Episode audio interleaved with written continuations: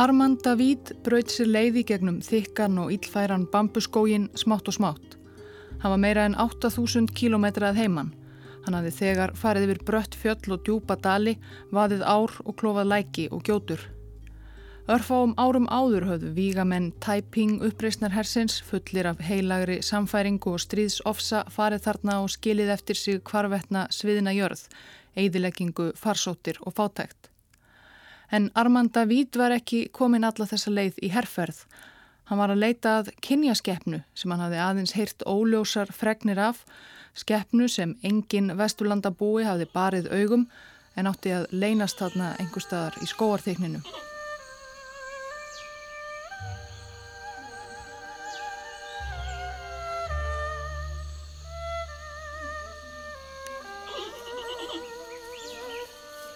Armand þessi David var vigður til prests í heima héræði sínu í franska Baskalandi 36 ára gamall árið 1862. Ekki lungu síðar var honum falið verkefni að ferðast alla leið austur til Kína og bóða þar kristna trú. Ekki fer mörgum sögum af því hvernig honum fórst það verkefni úr hendi Trúbóð er allavega ekki það sem Armand David er helst minnst fyrir núádögum. David hafði nefnilega annað áhugamál fyrir utan kristindómin, náttúruvísindin, dýra og plöntulíf jarðarinnar. Hann leiti einlega á þetta áhugamál sitt sem hluta af sinni kristnu köllun. Vísindin eru að fræðast um sköpunarverk drottins honum til dýrðar, skrifaði hann eitt sinn. Eins og reyndar fleiri vestrænir trúbóðar í Östurlöndum á þessum tíma var hann duglegur við að rannsaka og sapna sínum af framandi náttúrufyrirbreyðum sem urðu á vegi hans í útlandinu, bæði plöntum og dýrum og var David einna stórtækastur af trúbræðurum sínum. Á þeim rúma áratug sem hann bjó í Kína sendi hann heim til Fraklands mörg hundruð síni af áður óþægtum plöntum og líferum og lísti enn fleiri fyrstur manna. Margar þeirra tegunda bera enn nafn hans Rottu snákurinn Elafe davidi, dúfutrið Davidia involucrata, dádýrið Elafurus davidianus og svo framvegs. En þó hún ber ekki nafn hans í dag er Armands David einnig minnst fyrir að fyrstur Evrópumanna kynnast og lýsa skeppnu sem nú að dögum hvert mannsbarn þekkir þó það sé einungis að finna á afmörkuðu og afskektu svæði í Kína, dýr sem er og hefur verið áratugum saman svo fyrirferðamikið í fjölmiðlum og dægurmenningu að mörgum þykir nógum, en aðrir verðast aldrei geta fengið nóg af. Dýr sem hefur leikið hlutverki í alþjóða stjórnmálum og kaldastriðinu sem og sögu dýra og náttúruvendar, risapandan.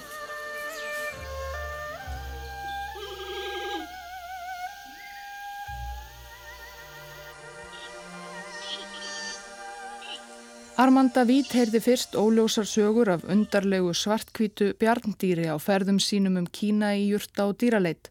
Sögurnar vöktu vitaskuld áhuga hans, hann hafði aldrei heyrt minnst á slíka skeppnu áður. Árið 1868 fór David í langan rannsóknarleiðangur í annað sinn. Hann sildi frá heimkinum sínum í Tianjin í norðanverðu Kína, söður til Shanghai og fylgdi svo þaðan áni Yangtze meira en 1500 kilometra í vestur í sveitir og skóa Sísjúan hérads. Ferðalægið var feikna erfitt en Davíd let ekki deigan síga, hand við sumað merkilegar uppgötanir byðu hans. Í Sísjúan kom hann sér fyrir í lítilli kirkju, helt áfram að bóða Guðsorð með fram vísindastörfunum auðvitað, en það var á heimleiður einni stittri söpnunarferð á sólríkum marstegi sem svartkvíta bjardýrið var það loksins aftur á vegi hans. Þegar ég var á leið aftur í kirkuna var mér búið að kvíla mig á heimili manns að nafni Lí sem ræður öllu hér í dalnum og hann gaf mér bæði te og sætindi. Og á heimili hans sá ég framúrskarandi skinn svartkvíts bjardýrs sem virtist all stort. Þetta er merkileg tegund og ég glattist mjög að veiðimennir mínir tjáðu mér að þeir gætu fært mér þetta dýr innan skams. Á morgun, segja þeir, ætlaðir af stað að veiða þessa skeppnu sem virðist vera vísindunum nýlunda. Tólf dögum síðar reyt presturinn svo í dagbók sínaði nýju. Hinn er innfættu veidimenn sem hann reyði sér til aðstóðar í rannsóknarleiðangrum hafðu þá snúið aftur. Þeir færðu mér ungan björn Þeir náðu honum á lífi en drápan til að eiga hægara með að flytja hann tilbaka. Þeir seldu mér húnin afar háu verði. Skrokkurinn er allur kvítur nema hvað lappirnar og eirun eru svört og svo eru svartir ringir í kringum augun. Þetta er sami litarháttur og á skinninu sem ég sá um daginn heima hjá Lí. Ég held að þetta hljóti að vera ný dýrategund. Þetta var pandahún sem veiðimennir höfðu náð einhver staður í bambuskógi Sissuans. Armand David var þannig að öllum líkindum fyrsti vesturlandabúin til að berja pandabjörn augum þó auðvitað væri hann döður, bangsa greið. Næstu vikur let David veiðimenn sína sapna fleiri sínum af þessari nýju tegund. Tveir ungbyrnir til viðbótar fjallu í valin. Líkamsleifar þeirra voru sendar á franska náttúrminjasafnið í París á samt lýsingu Davids á dýrinu. Ný tegund.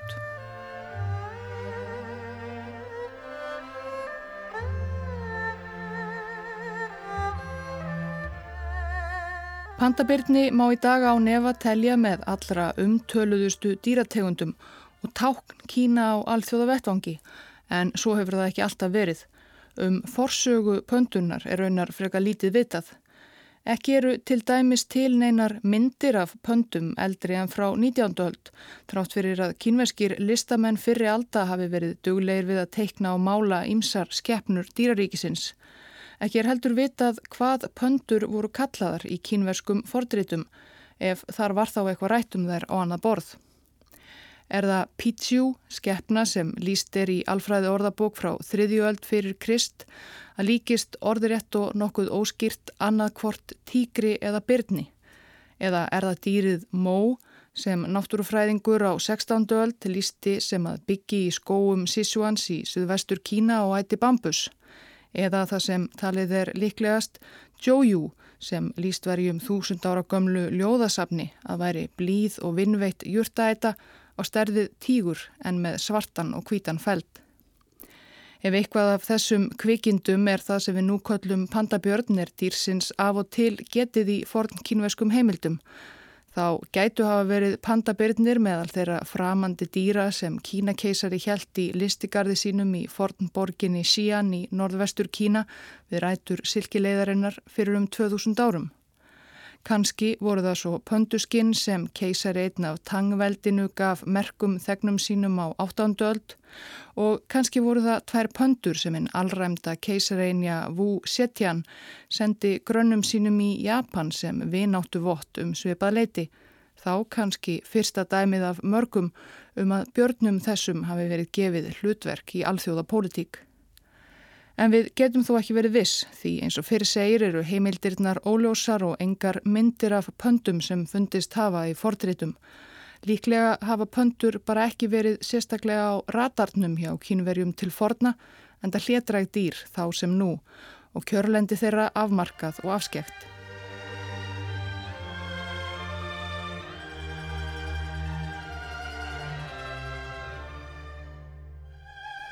Nútíma vísindamönnum hefur reyndar tekist að rekja þróunarsögu pöndunar einar þrjár miljónir ára aftur í tíman. Þá er talið að pandabjörnin hafi færið að greinast frá öðrum frumbjörnum. Þá var veðurfar almennt heitt og rakt og bambuskóar blómstruðu þar sem nú er Kína og pandabjörninir sem nærast nær engöngu á bambus sömu leiðis.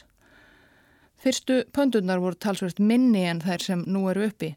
Fyrsta skilgreinda pöndutegundin Æluropóta mikróta eða pygmíapandan er næri helmingi minni en nútíma panda en hún, nútíma pandan, verður vel á minnstum 120 til 190 cm laung og meðal panda í dag er um 100 til 120 kg að þyngd. Smátt og smátt með gangi tímans stækkuðu forfeður nútíma pöndunar og hættu sömu leiðis alveg að borða kjöt eins og aðrir byrnir og gerðust bambuselskandi grænmetisætur. Þegar loftslag kólnaði og skóatnir hörfuðu fækkaði pöndunum sömu leiðis og kjörlendi þeirra varð minna og afmarkaðist að lokumna er algjörlega við bambuskóana í Kingling fjöllum í Sichuan og hæðóttu nákvæmni þeirra. Þetta er afskekt svæði og í ofan á lag eru pöndur hljadrægir einfarar af Guðs náð og hefur það allatíð gert dýrafræðingum erfitt fyrir að rannsaka hægi þeirra Þó svo að pöndur séu baðaðar fræðarljóma eru þær því líka nokkuð leindadómsfull dýr enn í dag. Og ekki bætir úr skák hversu fáar þær eru orðnar vegna ágangs mannsins á heimkynni pöndunar og sömur leiðis einnig vegna hennar eigin sérvisku eru fáar pöndur eftir í heiminum í dag. Sankvæmt áætlun frá 2016 eru 1864 viltar pöndur í kínuverskum bambuskóum og um 300 til viðbótar sem eru í haldi manna innan Kína og utan.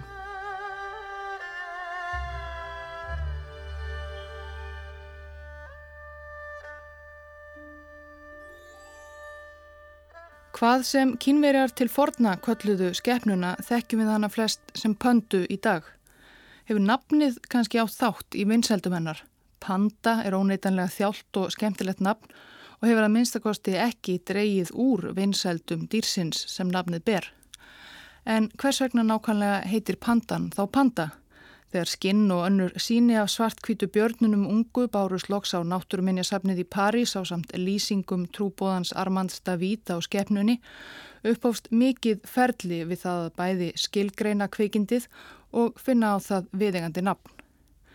Davíd sjálfur stakk upp á latneska heitinu Ursus melanolecus, einfallega svartkvítur björn, því hann stóði þeirri trú að þetta væri bjartýr, en heima í Fraklandi voru ekki allir alveg á þeirri skoðun. Fljótlega bendi einhver á að dýrið líktist á ákveðin hátt annari kínuverskri bambusætu sem vestrænir vísindamenn höfðu nýlega kynst í fyrsta sinn. Það var miklu minna kveikindi að vísu með dökkrauðan feld og röndótt skott, dálítið eins og þóttabjörn, hvít eiru og tríni og gladalegt fjess. Þegar vestrænir vísindamenn fengu fyrst líkamsleifar þessa kvikindis í hendur vissu þeir ekki heldur alveg hvernig þeir ættu að flokka það eða hvað þeir ættu að kalla það. Líklegt þótti að þetta væri einhver asískur ættingi þóttabjarnarins í Norður Ameríku, nokkuð svipað andlitsfall og svo þetta röndóta skott En einhvern veginn, það er ekki vitað nákvæmlega hvernig, gáfu franskir náttúrufræðingar kvikindinu nafnið Panda sem kannski má rekja til þess nafn sem dýrið hafi verið kallað á heimaslóðum sínum í Nepal. Þetta er dýr sem í dag er kallað rauðpanda eða minnipanda og síðar í tíma rannsóknir áttu eftir að leiða í ljós að varnær ekkert skild svartkvita byrninum frá Sjesúan. En það var það bjardýr eins og Armand David grunaði en fegst ekki full sannað fyrir en löngu síðar. En rauðakvikindið, rauðpandan, á sér fáa lifandi ættingja en er hvað skildust þóttabjörnum og martýrum. En það var sem sé ekki full sannað óskildleikin fyrir en miklu síðar. Eftir nokkrar botlaleggingar náttúrufræðinga í París var ákveðið að nýja kínuverska kvikindið sem Armanda Vít hafi fært um heiminum þekkingum skildi heita eftir þessum mynda frænda sínum sem var miklu minni og því Rísapanda.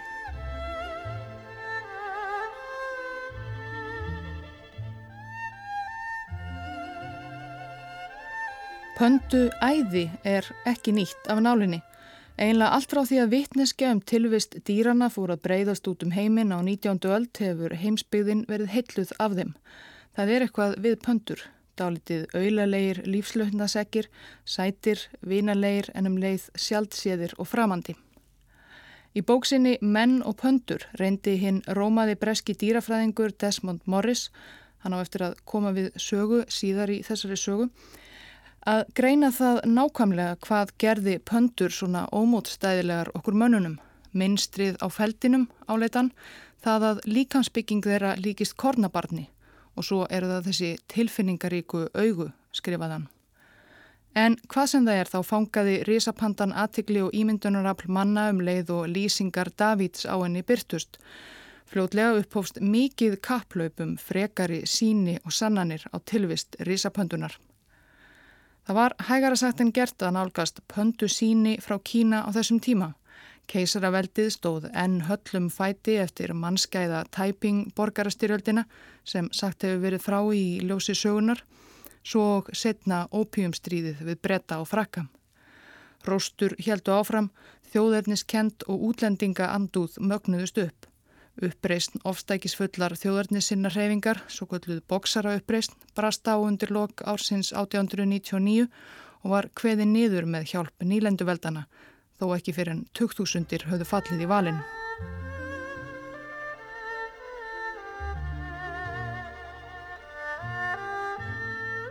Þrátt fyrir allt þetta voru þó til þeir vesturlandabúar sem voru til í að leggja líf og limi í hættu til að kynna sér sérstætt plöntu og dýralíf Kína.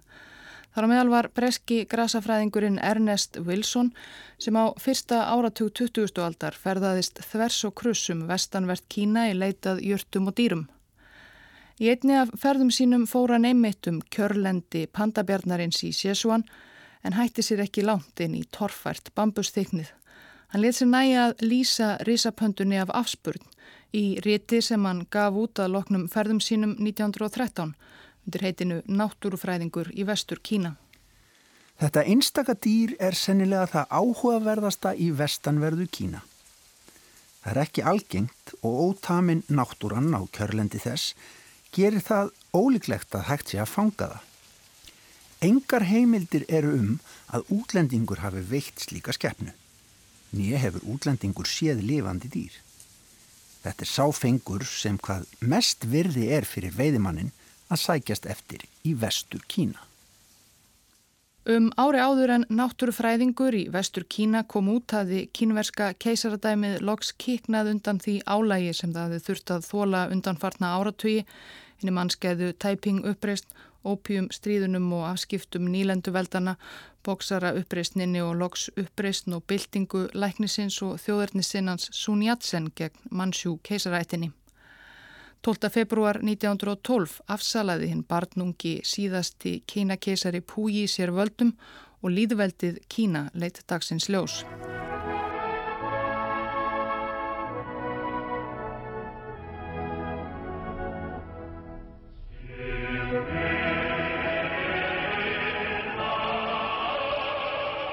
Það þýtti þó ekki að ró kæmisloks á í Kína eftir áratugar óstur. Fyrstu árin voru líðveldinu Kína erfið, Sun Yat-sen og félagar hafðu ekki nægilega styrk tök á taumunum og stríðsherrar bytust um völdin af blóðugur í hörku viðsvegar um landið.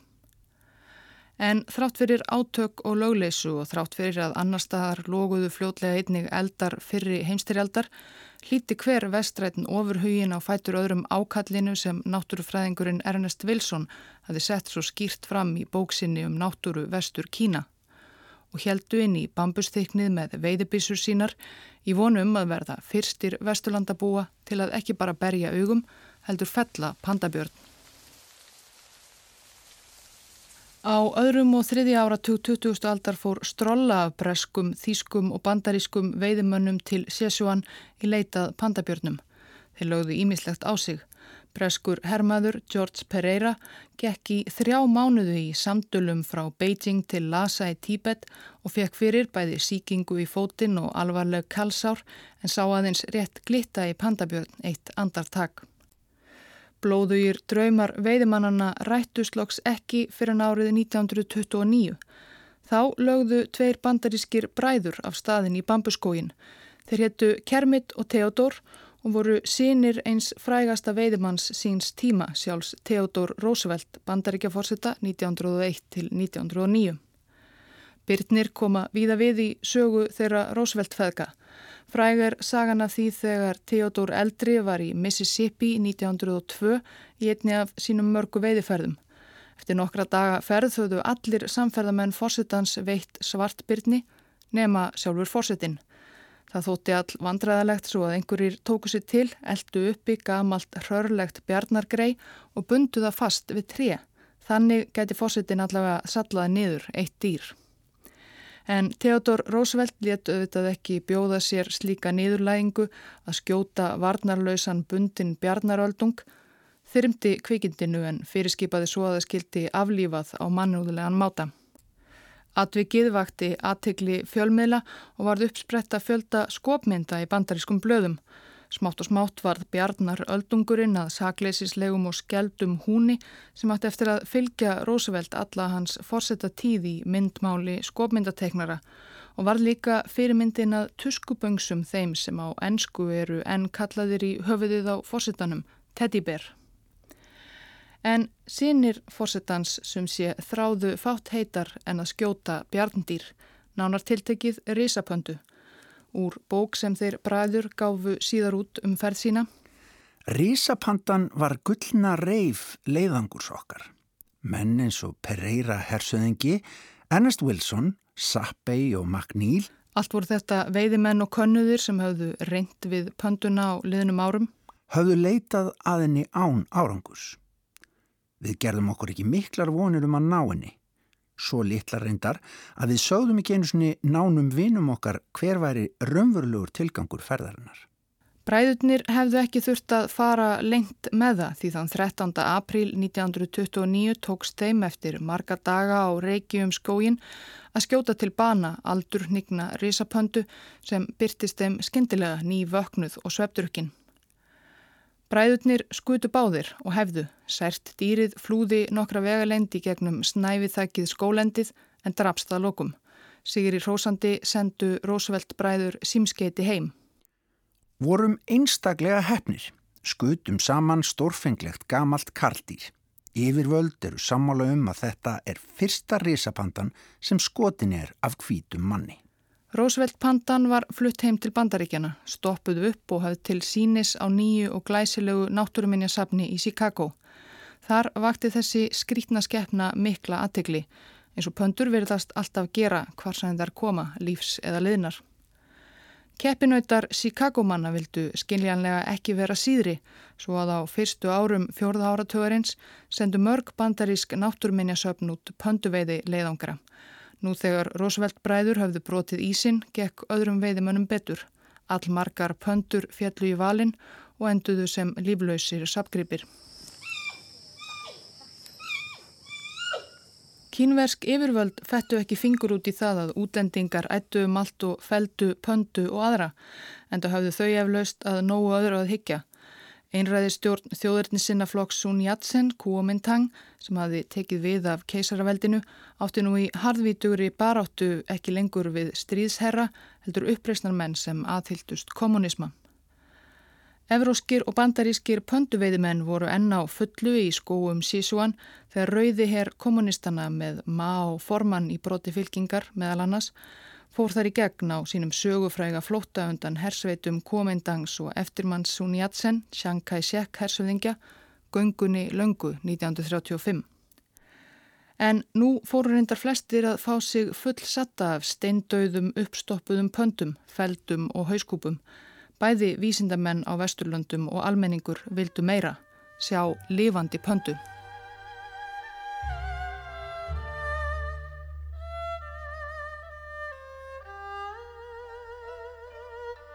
Á hælana á Roosevelt og öðrum pöndubönum kom nú flokkur ungra veiði og ævintýramanna sem heldur til Kína í vonum að ekki bara skjóta pöndu á færi, heldur frista þess að fanga einhvern veginn lifandi dýr og flytja það svo úr landi. Þeir voru nokkrir sem fóru af stað á árunum 1934, 5 og 6 en varð öllum lítið ágengt. Það hafi verið nógu erfitt að ná pöndunum döðum, hvað þá levandi. Einn þessara æfintýramanna var William Harkness, Harvard háskóla gengin og efnaður bandaríkja maður með áhuga á hverskins veiðum. Hann var í Shanghai að undirbúa pönduleiðangur til Sjesuan þegar hann lést skindilega og langt fyrir aldur fram úr krabbameini aðeins 34 ára. En heima í New York ákvað ekki hans, hann hafi gift sig bara örfáum vikum áður en hann fór af stað til Kína, að halda þessu ástríðu verkefni hans á lofti. Ekkjan Ruth Harkness var kjólahönnuður og áberandi í skemtanalífinu í Stórborginni, í koktelbóðum og næturklúpum. En hún vatt nú hvæði sínu rækilega í kross, tók alla þá fjármunni sem hún erði eftir eiginmann sin unga og fór til Kína. Hún hafði enga reynslu af pandabjörnum nýja öðrum dýrum, af veiðum ferðalögum um torfær svæði, af Kína eða kínverjum. En hún hétt því að klára það sem eiginmaður hennar hafi byrjað á og snúa aftur til bandaríkjana með lifandi pandabjörn meðferðis.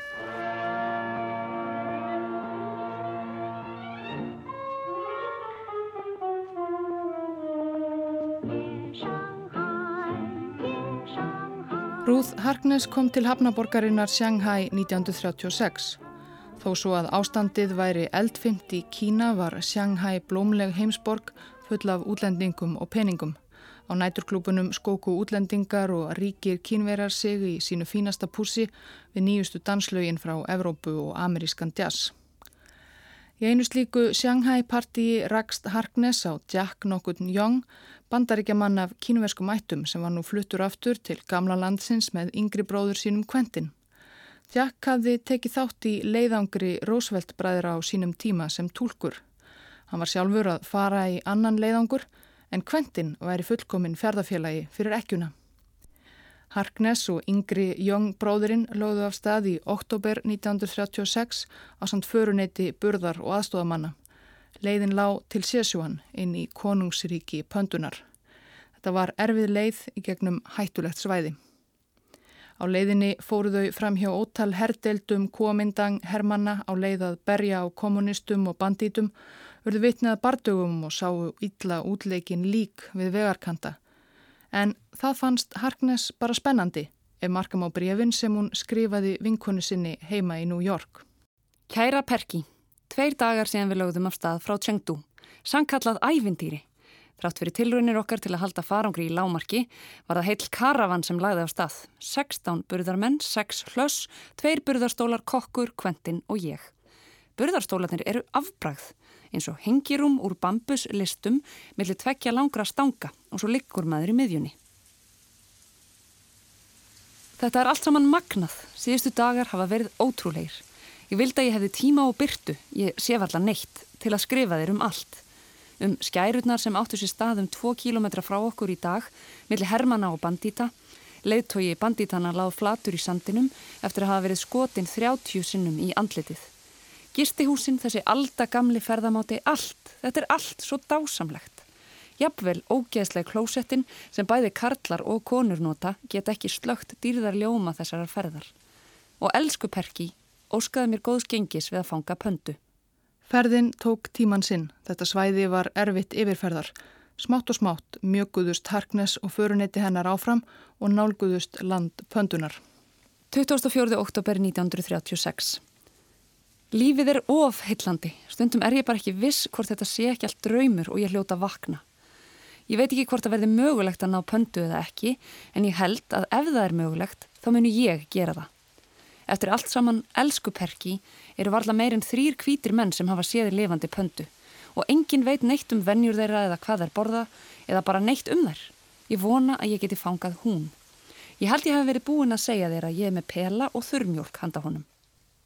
Dögum og vikum saman fóru þau um fjallendið og bambuskóana, komu sér upp búðum þar sem þau tvöldu daga í senn og settu upp gildrur í vonum að veiða í þær byrni. Í bókinni The Lady and the Panda sem bandaríski bladamæðurinn Viki Krók hefur ritað um ferðir Ruth Harkness leiður hún líkum að því að einhverstaðar á ferðinni hafið þau felt hugi saman, Quentin Young og Harkness. Hann var 15 árum yngri, hávaksinn og myndarlegur. Tilstendur að kvikmynda sögu Harkness upp úr þessari bók. En hvað um það? Eitt daginn fóru þau af stað árla morguns til að aðtuga gildrurnar þegar þau heyrðu veikt angurvært væl læðast innan úr hólum trjából. Þetta var kraftaverki líkast. Af tilviljun hafðu þau gengið fram á greni, pandabyrnu og húnsennar og húnnin var einn heima vælandi, mamma úti að leita að æti. Jóng tegði sig varlega inn í trjábólinn og tók upp pínulítinn húnin og rétti Harkness sem tók hann í fangið eins og barn. Hann var rétt 2 kílóa þyngd, líklega um nýju veikna gamall. Veiðimennir á undan henni hafðu verið hlaðnir bissum og skotum en það sem Harkness hafði meðferðis voru pelar og mjölkurduft. Hún ætlaði sér að koma pandahúninum lifandi til byggða. Harkness og Young gengu með húnin aftur til Chengdu, flugu til Shanghai þar sem Harkness fór með húnin um borði skip til bandaríkjana. Nokkurt skrifræðistapp reyndist að fá leifi til að flytja húnin úr landi. Tott stjórar í Shanghai hefðu aldrei afgreitt slíka skeppnu áður. Að lokum var ákveðið að húnin skildi toll afgreittur sem hundur. Einn hundur yfirgaf Kína. Húnin fekk nafnið Su Lin. Það var nafn eiginkonu Jax Young. Þú reyndar hafi síðar komið í ljós að Su Lin var Kartkins. Og nú má segja að þið fyrsta einlega pöndu æði hafi magnast upp. Stóð af bladamönnum tók á móti Sú Lin við komuna til New York. New York Times skrifaði Sú Lin, risapönduhútnin sem fangaður var í kýmverskum skóginari Tíbet fyrir tveimur mánuðum, kom í dag á Grand Central, svangur og sifjaður með stýrur í augum. Hann held sér þjætt upp að stjúpmóður sinni sem hefur fluttan yfir halvan hnöttin, fótgangandi á burðarstól, hesti, flugvél, lest og skipi. Á meðan ljósmyndararnir smeltu af vældi pandan ámátlega. Svo líktist ylfri kvolps eða mjálmi kettlings.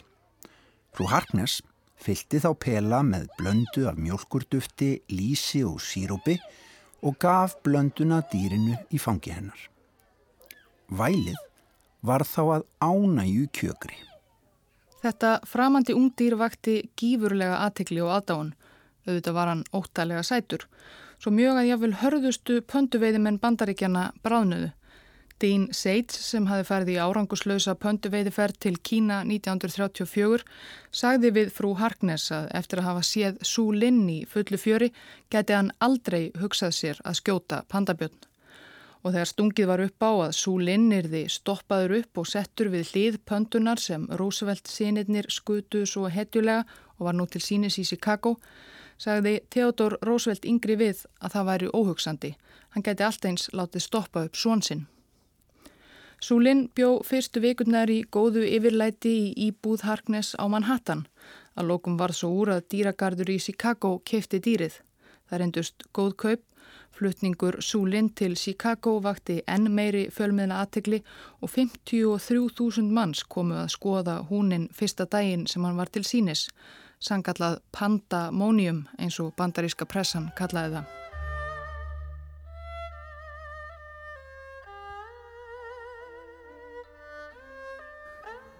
Súlinn var því miður ekki langlýfur. Hann lést úr lúnabólgu eftir aðeins eitt ár í bandaríkunum, skömmu eftir að Harkness snýri aftur úr öðrum pönduleiðangri með leikfélaga handónum.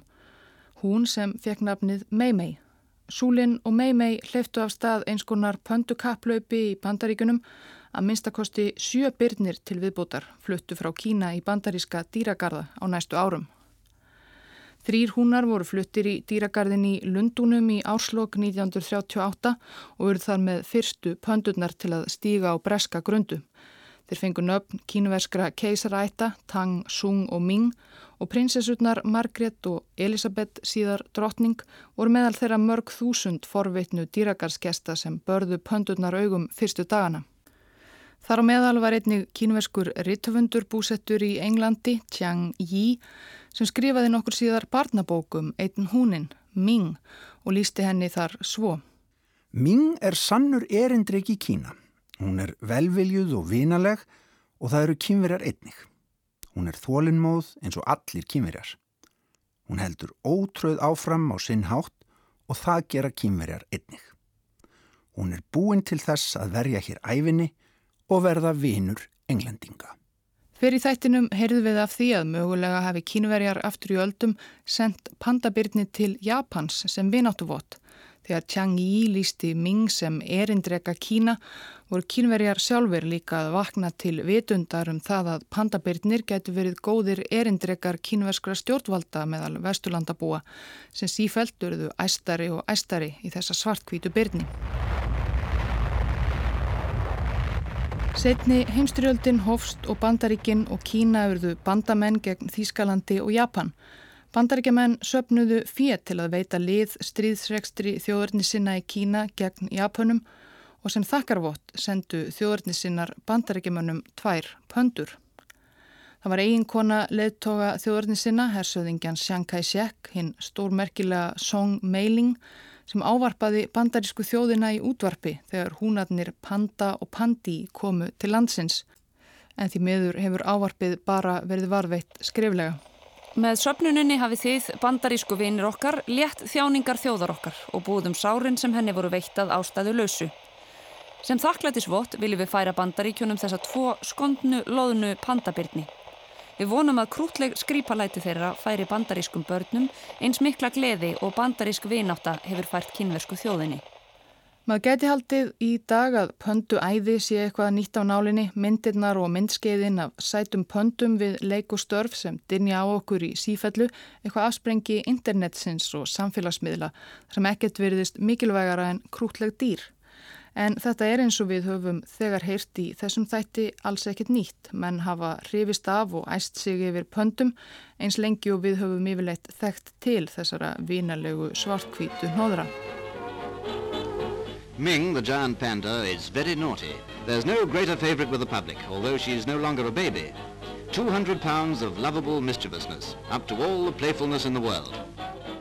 Í gömlum frettamyndum frá því á fjóruða og fymta áratugnum má finna nákvæmlega sömu myndir og frettir og byrtast okkur í dag að sætum pöndum veltast um og baða sig og naga bambustilka og halda upp á afmæli sín með kökum og kræsingum.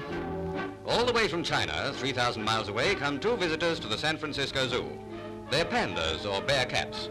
is the pet panda of the St. Louis Zoo. Once a year he has to take a bath, and his keepers go along to make sure he washes behind the ears. But why worry? Mr. Panda loves washing behind the ears. The news spotlight turns onto another giant panda, and it's just as good-tempered and friendly as any of its brothers or sisters. Hmm, dinner on the way? It's kind of cheering in these times to know somebody's having a birthday party, isn't it? Percy the Panda's the lucky guy, one year old today. I am the baby giant panda, and I'm fed up. At the London Zoo is Ming, the giant panda. The photographers are very pleased, but the lions are fed up with all the commotion. 80 pounds of super teddy bear. Þó Chiang Kai-shek og frú hafi glaðst við aðstóð bandaríkjamanna í stríðinu eins og frúin listi í útvars áarpi sínu, þá hafðu þau hjónin ekki eins ríka ástöðu til að gleðjast eftir heimstyrjöldina. Kínverska borgarstyrjöldin tók sig þá upp aftur og þá verðu kommunistar rækilega ofan á. Chiang Kai-shek og mann hans hörfuðu til eigarinnar Tæfan og þann 1. oktober 1949 lísti leðtói kommunista má formaður formlega yfir stopnun alþýðu líðveldisins Kína.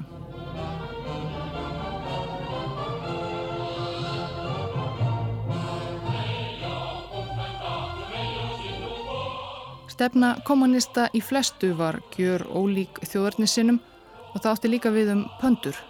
Ei meir skildu vesturlandabúar fá að valsa frítt um kínverskar sveitir og hafa þaðan þess að fágætu byrni að vild, lífs eða liðna. En kommunistar áttuðu sig líka á krafti pöndunar og hvernig notfæra mætti sér hann í pólitískum tilgangi, hápólitískum, ekki aðeins í hlutverki vinalegra erindreka. Hlutur pandabjarna í alþjóða stjórnmálum átti eftir að aukast mikið á næstu áratugum og grandalösir byrnir flækjast rækilega í kaldastríðið. En um það verður nánar fjallað í síðaði þætti.